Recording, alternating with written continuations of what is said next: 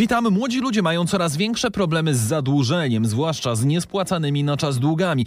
Pamiętajmy, że nawet niewielki dług z młodości, niezapłacony mandat za jazdę na gapę, rachunek za telefon może nam utrudnić całe dorosłe życie, bo trafimy na listę dłużników. Jak wygląda to zadłużenie młodych ludzi? O tym rozmawiałem z ekspertem finansowym Agnieszką Salach. Najbardziej przerażające jest to, że z roku na rok obserwujemy, że tych osób młodych, które mają problemy ze spłatą swoich y, zobowiązań finansowych jest coraz więcej. I tak na przykład dla porównania y, między obecnym rokiem y, a ubiegłym rokiem, no to ty, wzrost y, liczby tych osób jest na poziomie 34%. To ustalmy, kim są młodzi ludzie, w jakim zakresie wieku mówimy?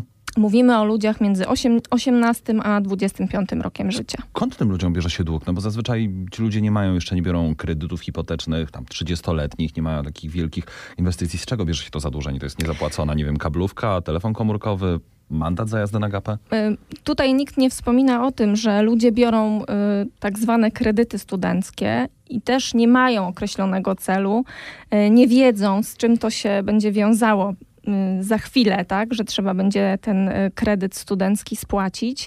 Więc myślę, że to jest jeden z powodów, a kolejny powód to jest właśnie ten taki konsumpcyjny, powiedziałabym, y, tryb życia. Jesteśmy atakowani ze wszystkich stron różnego rodzaju ofertami, propozycjami. Każdy z nas chce być taki Czyli jak sobie kolega. kupię komputer na raty w markecie, Dokładnie, sobie kupię, tak. nie wiem, rower, tani samochód super nawet na iPhone'a, tak. super telefon. Bardzo często też angażujemy osoby starsze, y, na przykład y, osoby y, dorosłe typu babcia, dziadek, którzy będą naszymi żyrantami, pożyrują nam kredyt. No i tutaj zaczynają się problemy. Jakie są konsekwencje tego, że w młodym wieku sobie, mówiąc najprościej, tak nabrudzimy w statystykach, tak, i weźmiemy coś na, nie wiem, za kilka tysięcy złotych rozłożymy na raty i potem nie spłacimy, bo nam się y, coś wydarzy oczywiście e, po drodze. Jak to będzie przekładało się na nasze dorosłe życie? Robienie sobie w tym młodym wieku zaległości.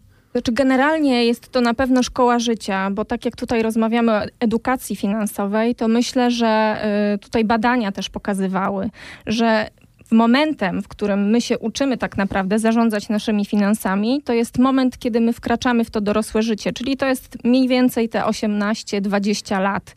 No i w momencie, kiedy się stykamy z takimi problemami finansowymi, z długami, no to tutaj jesteśmy od razu wrzuceni na głęboką wodę i musimy sobie zacząć z tym radzić. Natomiast no tutaj jeszcze trzeba byłoby wspomnieć, że wiedza finansowa potrzebna jest również do tego, żeby wiedzieć, jak poradzić sobie z wyjściem z takiego zadłużenia, więc myślę, że tutaj mamy naprawdę jeszcze dużo do zrobienia.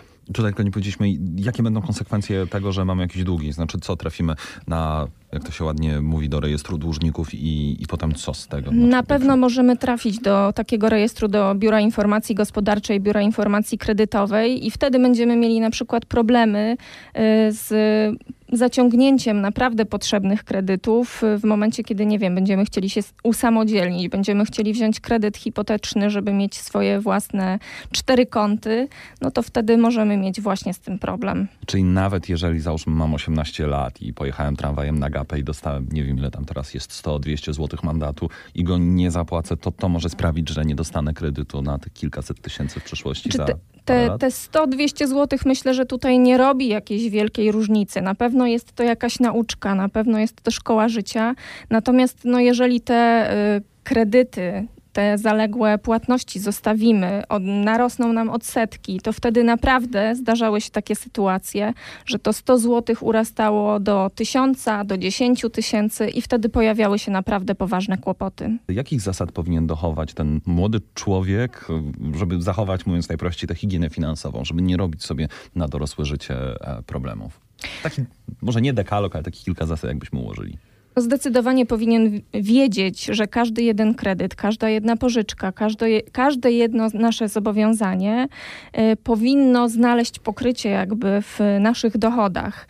Y, I no, nikt też chyba nie myśli o tym, że na, nawet posiadanie, korzystanie z karty kredytowej już y, powoduje, że jesteśmy jakby zobowiązani spłacić więcej często.